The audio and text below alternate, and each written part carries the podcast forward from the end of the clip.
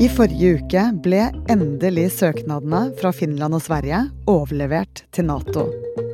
Alt så ut til å gå på skinner. Finland og Sverige will be warmly welcomed. En vanligvis tidkrevende søkeprosess ble, pga. krigen i Ukraina, gjennomført i hui og hast. Og Nato-sjef Jens Stoltenberg go uh, lovet en rask behandling. Finland og Sverige skulle bli tryggere, og Nato sterkere. Men så sporet prosessen helt av. For nå har Tyrkia satt seg på bakbeina. Hva er det president Erdogan prøver på nå? Du hører Forklart fra Aftenposten, og jeg heter Synne Søhol. I dag er det mandag 23. mai.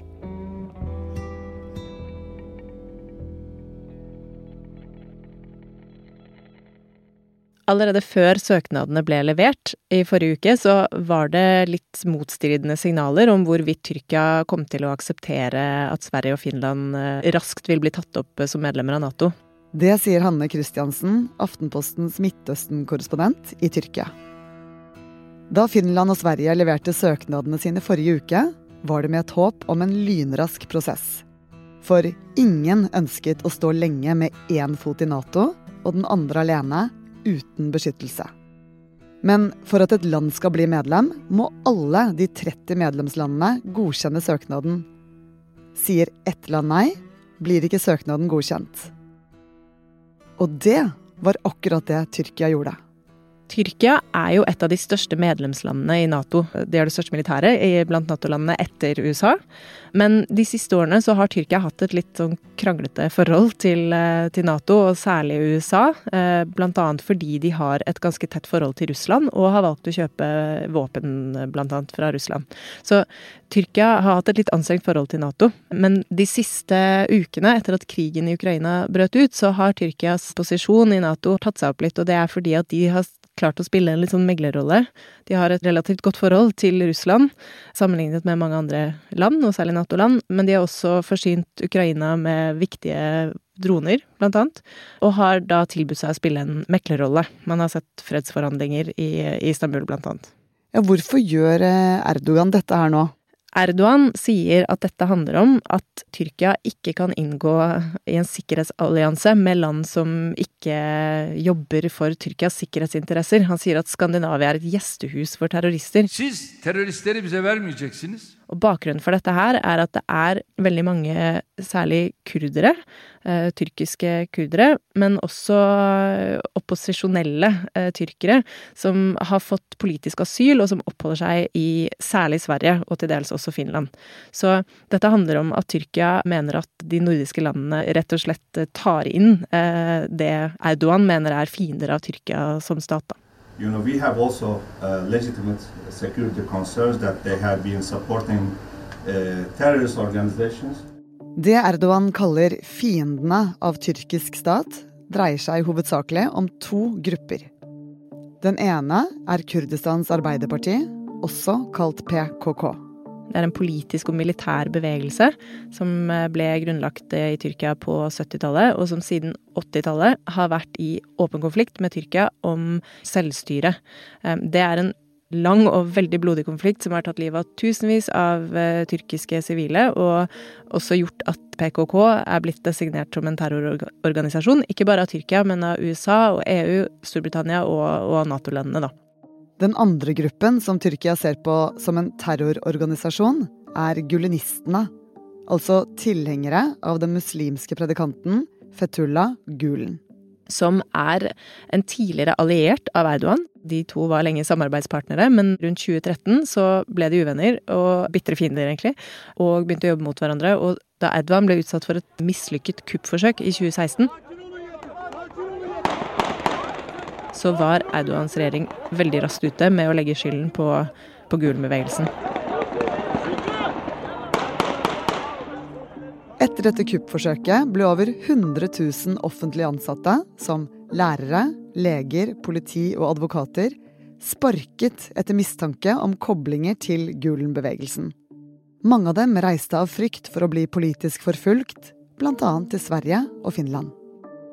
Tyrkia mener at eh, mange av de eh, kurderne som har fått politisk asyl i Sverige, har tilknytning til PKK. Også mennesker med tilknytning til denne Gulen-bevegelsen. Eh, og mener derfor at det er et bevis på at svenskene og finnene støtter terrorister og, og finansierer og, og, gir støtte til, til fiender av den tyrkiske stat. Og hva er det Tyrkia krever, Hanna? Helt konkret så har Eidogan sagt at han vil ha utlevert rundt 30 personer fra Sverige og Finland, som da har tilknytning til PKK og, og Gulen-bevegelsen, eh, ifølge tyrkerne. Men dette er ikke den egentlige grunnen til at Erdogan sporer av søknadsprosessen. Bak det bråkete utspillet ligger helt andre hensikter.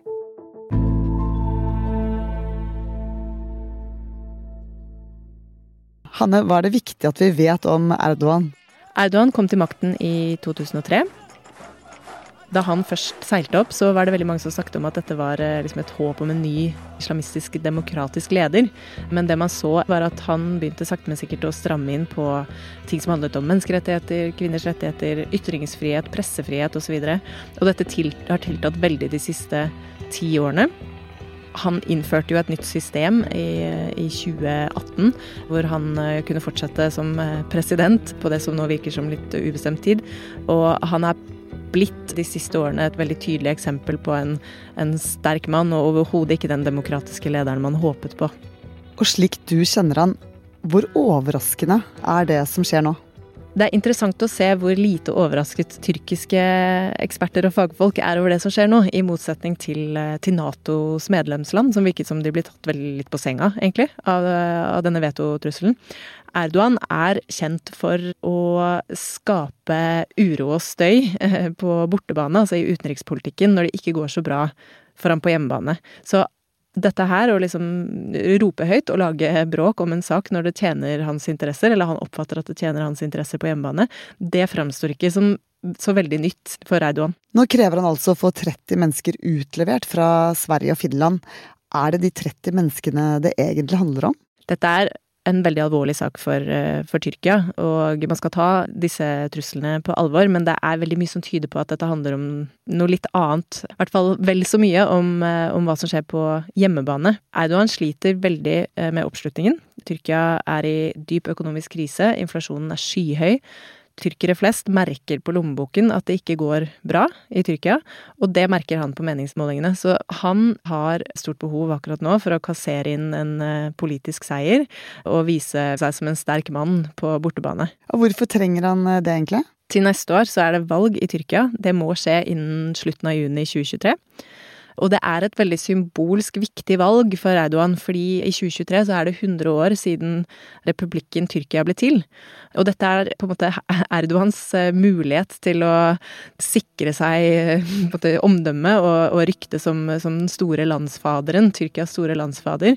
Men som sagt så sliter han veldig på meningsmålingene nå, så det må en del eh, endringer til for at han skal klare å, å, å vinne valget til neste år. Så er det å sette seg på bakbeina i eh, denne saken, denne Nato-saken, er det en strategisk handling? Det kan se ut som det inngår i et litt større politisk spill, ja. At Tyrkia, eh, som nå står i en litt mer gunstig forhandlingsposisjon fordi de eh, har spilt en viktig rolle i krigen i Ukraina, og også har muligheten til å legge ned veto i Nato-sammenheng, ønsker å bruke dette øyeblikket til å stille litt sterkere på hjemmebane. Det at han da velger å appellere til uh, sin velgerbase ved å spille opp disse veldig betente spørsmålene rundt uh, kurderne og rundt uh, terror og, og sikkerhetstruslene mot Tyrkia, så, så, ønsker han å vinne oppslutning på hjemmebane ved å framstå som en sterk leder i utenrikspolitikken. For dette handler sannsynligvis om mer enn å bli en stor landsfader. Det kan også handle om våpen. I 2017 så ble Tyrkia kastet ut av eh, F-35-programmet, altså dette programmet som USA eh, har for å utvikle og selge jagerfly til eh, andre land. Det skjedde etter at Tyrkia kjøpte våpen, såkalte S-400 antimissilsystemer fra Russland, som var veldig kontroversielt, fordi de våpnene er designet for å skyte ned nettopp Nato-fly. Det surnet til forholdet mellom Tyrkia og USA i stor grad.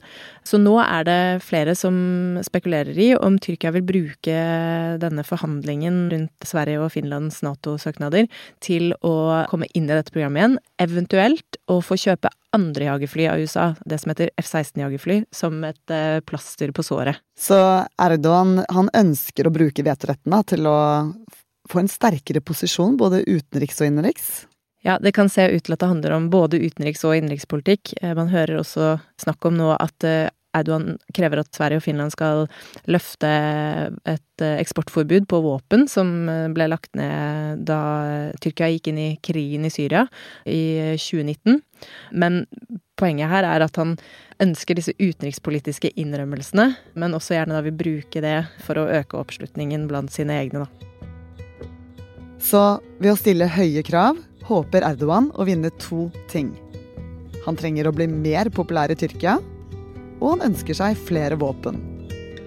Men selv om han skulle vinne begge kampene, så kan det høye spillet gi ham problemer på sikt. Jeg har hørt tyrkiske eksperter omtale dette som megafondiplomati. Altså i stedet for å bruke tradisjonelle diplomatiske kanaler, så bare roper man så høyt man kan og lager så mye bråk at eh, man til slutt får det man eh, ber om, eller i hvert fall noe av det man ber om. Og det er ikke alle som mener at det er eh, en gunstig måte å gå frem på. Jeg ser flere trekker paralleller til 2009, da Erdogan gjorde mye av det samme i forbindelse med at Danmarks tidligere statsminister Anders Fogh Rasmussen lå an til å bli generalsekretær i Nato. Da gikk han også ut og anklaget danskene for å være for eh, ettergivende med kurderne. Og fikk laget nok bråk om dette her til at Tyrkia til slutt endte opp med å få lov til å utnevne visegeneralsekretær. Men om dette bidro til å øke respekten for Tyrkia innad i forsvarsalliansen, eh, er jo litt tvilsomt. Men vil dette utspillet til Erdogan eh, få noen konsekvenser for Tyrkia? Nato er jo en forsvarsallianse der alle medlemmene skal stille likt. Så det at Tyrkia framstår som en sånn bråkmaker som lager trøbbel heller enn å samarbeide med de andre Nato-landene, det skaper jo ikke noe særlig kollegial stemning, og det er mange også i Tyrkia som mener at det ikke vil gagne Tyrkia på sikt.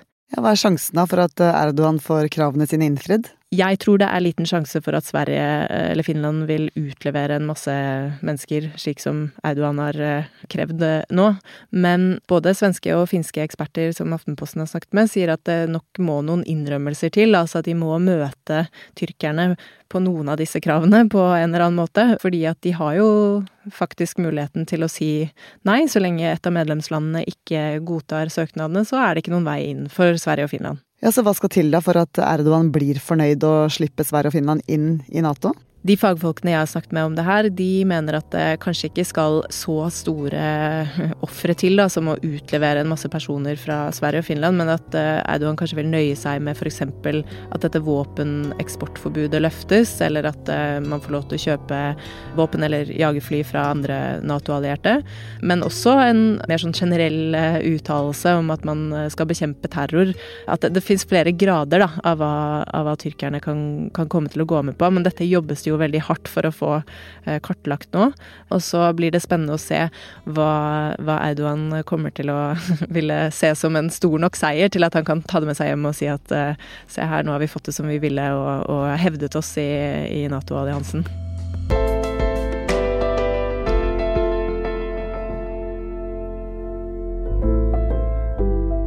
I denne episoden har du hørt Aftenpostens Midtøsten-korrespondent Hanne Christiansen forklare hvorfor Tyrkia lager problemer i Nato.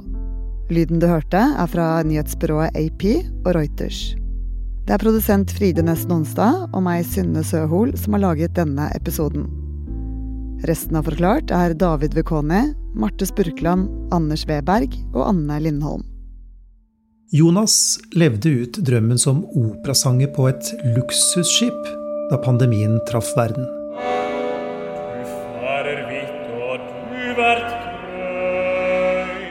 Da var det hjem til Sogndal, til mors pizza. Jonas han liker masse pepperoni og masse ost, så har en det. Og gaming på gutterommet. Tenkte jo noen tanker selvsagt om hvor lenge skal han bli sittende her oppe, liksom. Men mens han sitter der og spiller, får Jonas en idé. Hør historier som overrasker hver uke i Aftenpostens podkast Fortalt, hos Podme eller i Aftenposten-appen.